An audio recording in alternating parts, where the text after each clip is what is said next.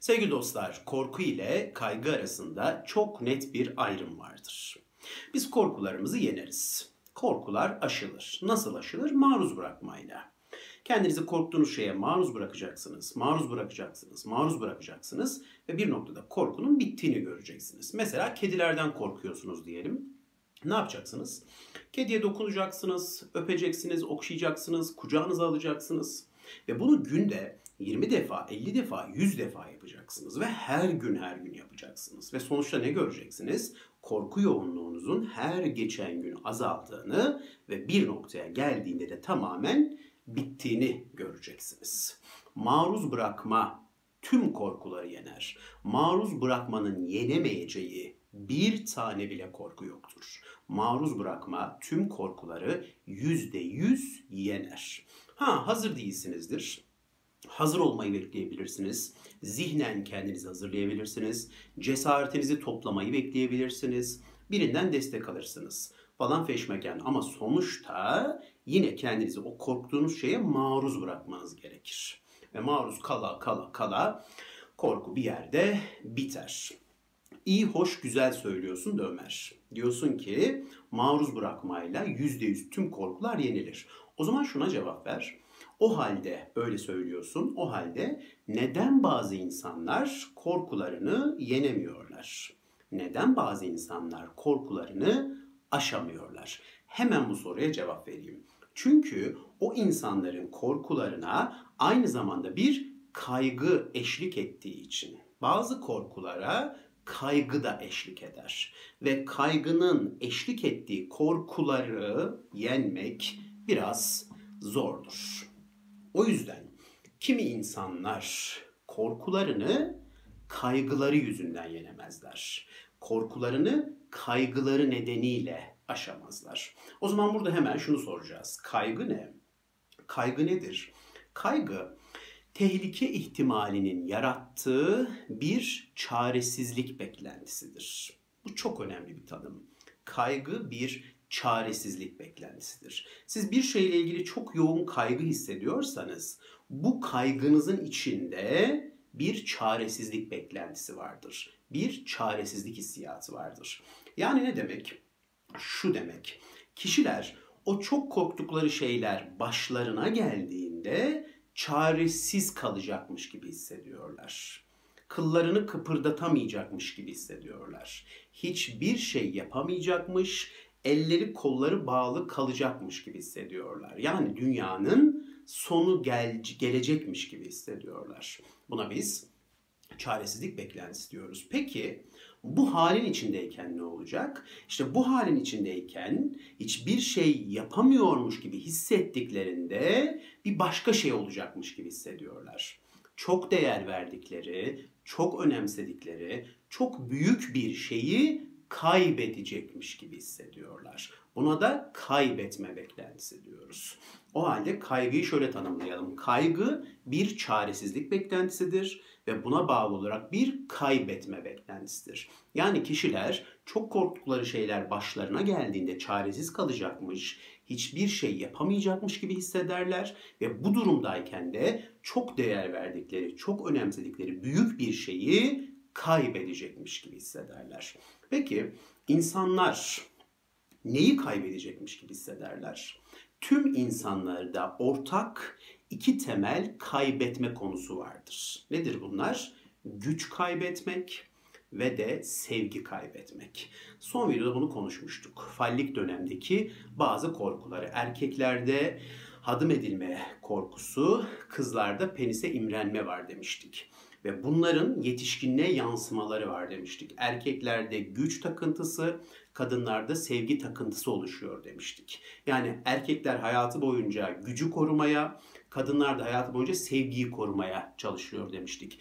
Tabii ki her ikisi her iki cinsiyette de var. Erkekler ağırlıklı gücü korumaya çalışır gücü kaybetmekten korkar ama tabii ki sevgi kaybetmekten de korkar. Kadınlar ağırlıklı sevgiyi kaybetmekten korkar ama tabii ki güç kaybetmekten de korkar. Bu ikisi evrensel iki temel kayıp korkusudur. Gücü kaybetmek ve de sevgiyi kaybetmek. Yani en temelde kaygılı durumlarla en temelde bu iki şey kaybedilecekmiş gibi hissediliyor. Ve bu ikisinin güç kaybetmek ve sevgi kaybetmenin bir sürü ara formu var. Şimdi burada saysam bitiremem yani. Bir sürü ara formu var ama yine de birkaç tanesi sayayım. Mesela anne babanızın sevgisini kaybetmek. Anne babanızın onayını kaybetmek. Onların size sırtınızı, sırtlarını dönmesi, evlatlıktan reddedilmek ya da çocuklarınızın sevgisini kaybetmek ya da akrabalarınızın gözündeki değerinizi kaybetmek. İşte akrabalarınızın size sırtlarını dönmesi, adınızın bilmem 9'a çıkması, bilmem 8'e inmemesi. Mesela başarısız olmak, çok kötü durumlara düşmek, insanlara muhtaç olur durumlara düşmek, gülünç komik durumlara düşmek. Efendime söyleyeyim işte onurunu kaybetmek, şerefini kaybetmek, haysiyetini kaybetmek, itibarını kaybetmek, kendine olan saygısını kaybetmek, değerini kaybetmek, sevgiyi kaybetmek. Bakın bir sürü sayılabilir.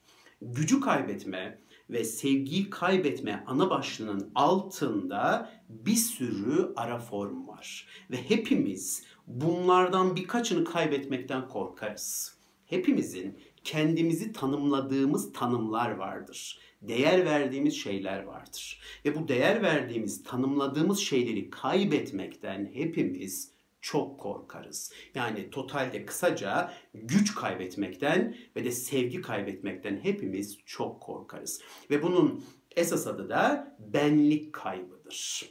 Yani hepimiz güç kaybetmekten, sevgi kaybetmekten ve arasındaki bu yüzlerce formu kaybetmekten korkarken aslında kısaca benliğimizi kaybetmekten korkarız. Kaygının ana kökeni benliği kaybetme korkusudur.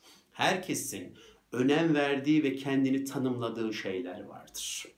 Ve de o önem verdiği, kendini tanımadığı şeyleri kaybetmekten korkmak, yani benliğin yitiminden korkmak, kaygının beslendiği esas yerdir. Kaygı benliğin yitimi korkusundan beslenir. Kaygının ana kaynağı burasıdır sevgili dostlar.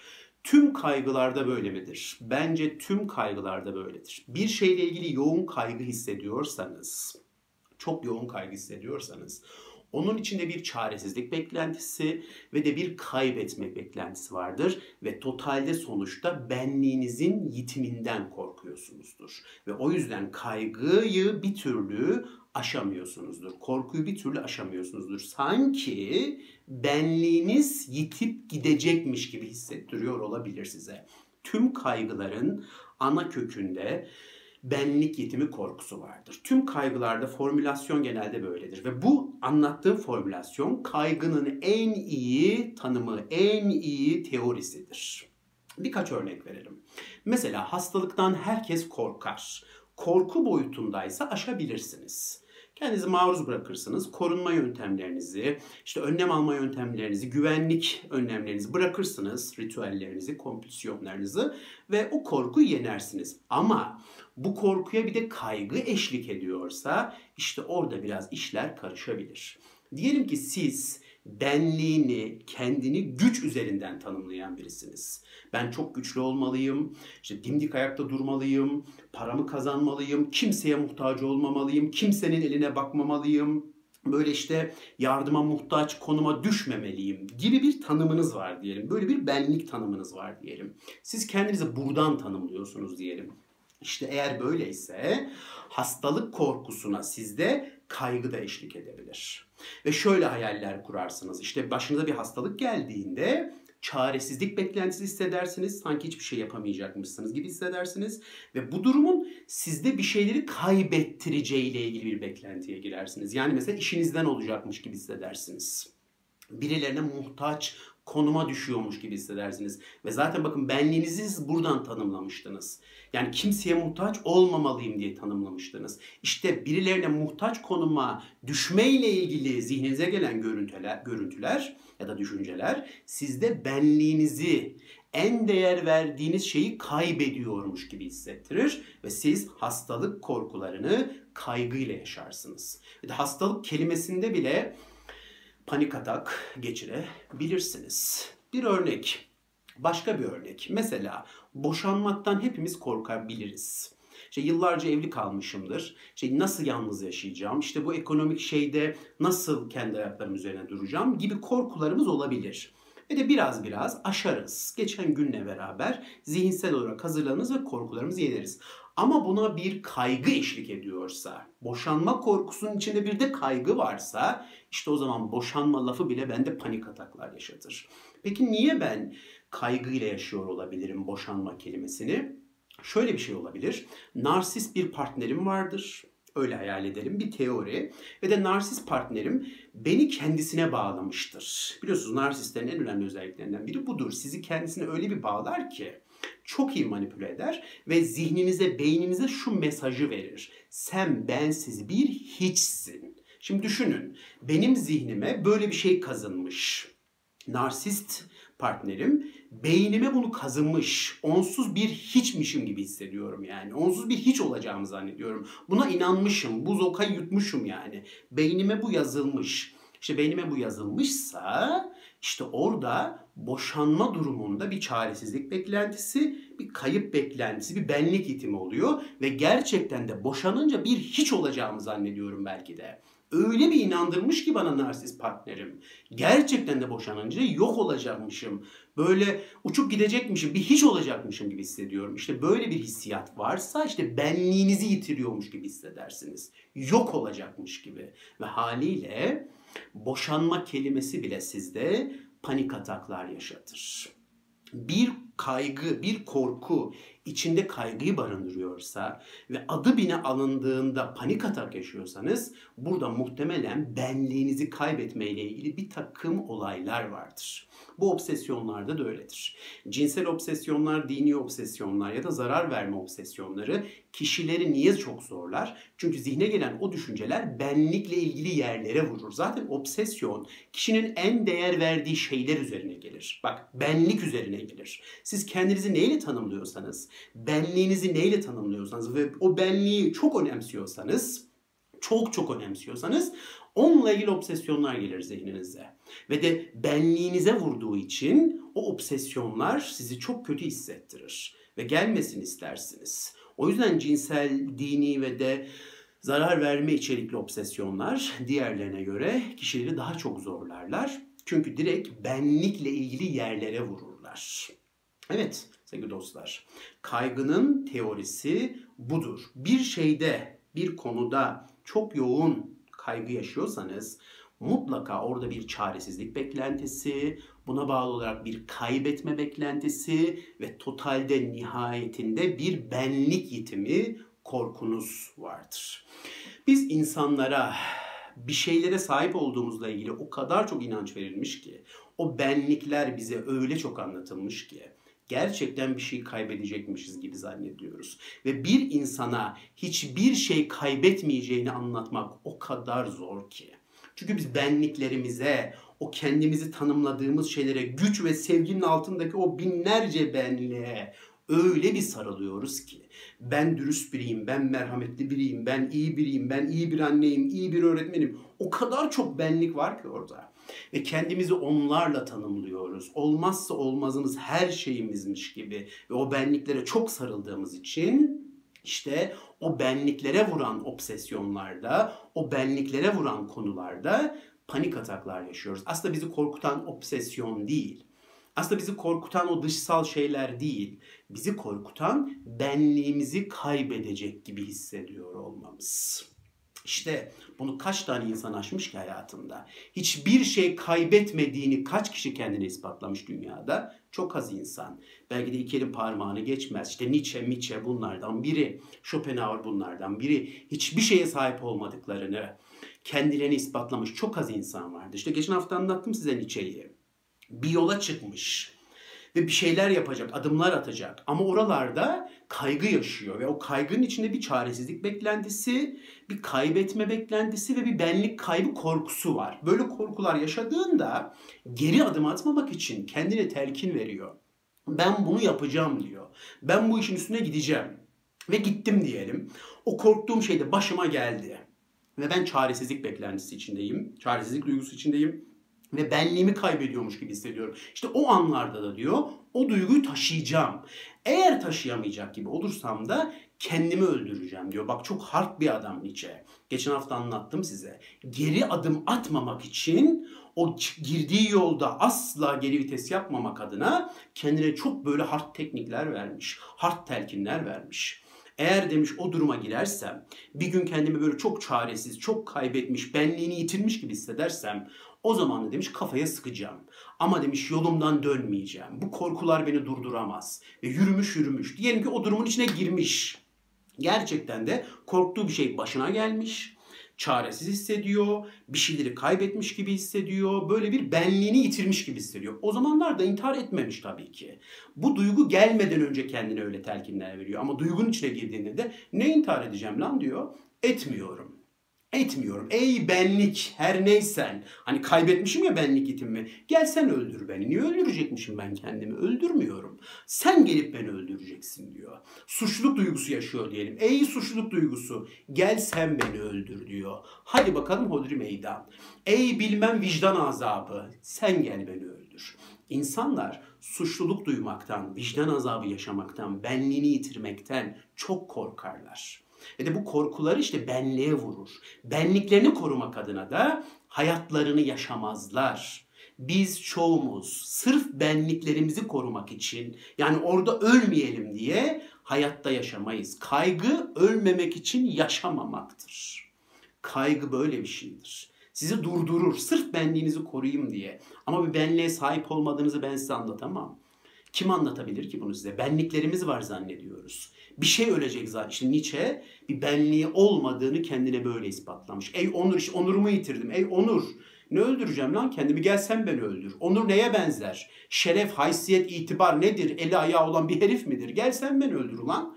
Ne öldüreceğim kendimi demiş o duygunun içine girdiğinde. Geçen hafta bunu anlattım. Duygunun içine girmeden önce o kaygı çok arttığında ben bu adımı atacağım diyor. Ve de korktuğum başıma gelirse yani çok çaresiz, çok böyle bir şeyleri kaybetmiş gibi, benliğimi yitirmiş gibi hissedersem de o duyguyu taşıyacağım. Taşıyamazsam da kendimi öldüreceğim diye kendine telkin veriyor. Ve geri adım atmıyor. Ve o duygunun içine girdiğinde gerçekten de ne öldüreceğim lan diyor. Öldürmüyorum. Bu duygular beni öldürecek. Suçluluk, vicdan azabı, benliğimin yitimi, bilmem kaygı siz beni öldüreceksiniz. Ben kendimi öldürmeyeceğim diyor. Ve o anları göğüslüyor. Göğüsledikçe de güçleniyor. Bir benliğinin olmadığını, bu benlik muhabbetlerinin fasafiso işler olduğunu anlıyor. Benliklerinden sıyrılıyor. Benliksizliğe doğru adım atıyor. Ve siz oraya doğru giderseniz artık sizi hiçbir şey kaygılandırmaz. Benliğinin yitiminden korkmayan insanı hiçbir şey durdurmaz. Çünkü o, o benliklerin hepsinin birer sahtelik olduğunu anlar ama buralara gel gör de nasıl ulaşacağız? Çok da kolay konular değil. Evet biz bir şeylere sahip olduğumuza o kadar çok inanıyoruz ki, o kadar benliklerimiz var ki ve de o zihne aslında hiçbir şey kaybetmeyeceğini anlatmak çok da kolay olmasa gerek. Evet sevgili dostlar bu videoda kaygının ne olduğunu biraz konuşalım istedim. En iyi kaygı teorisi budur. Kaygılarınıza bu anlattıklarım üzerinden bakabilirsiniz. Bir şeyde çok yoğun kaygı yaşıyorsanız Orada bir çaresizlik beklentisi ve bir kaybetme beklentisi vardır ve nihayetinde bir benlik kaybı korkusu vardır. Buraları anlamadan, buraları çözmeden kaygınızı ve kendinizi anlayamaz ve korkularınızı aşma konusunda istediğiniz sonuçları alamazsınız. O yüzden önce buraları anlamalı ve sonra maruz bırakma ile kendinizi cesaretlendirmelisiniz. Nietzsche'nin yolunda bu anlattıklarım üzerinden elbette hepimiz adım adım ilerleyebiliriz. Evet, kaygı ile ilgili bazı teorileri konuşalım istedim. Dinlediğiniz için çok teşekkür ederim. Hoşçakalın.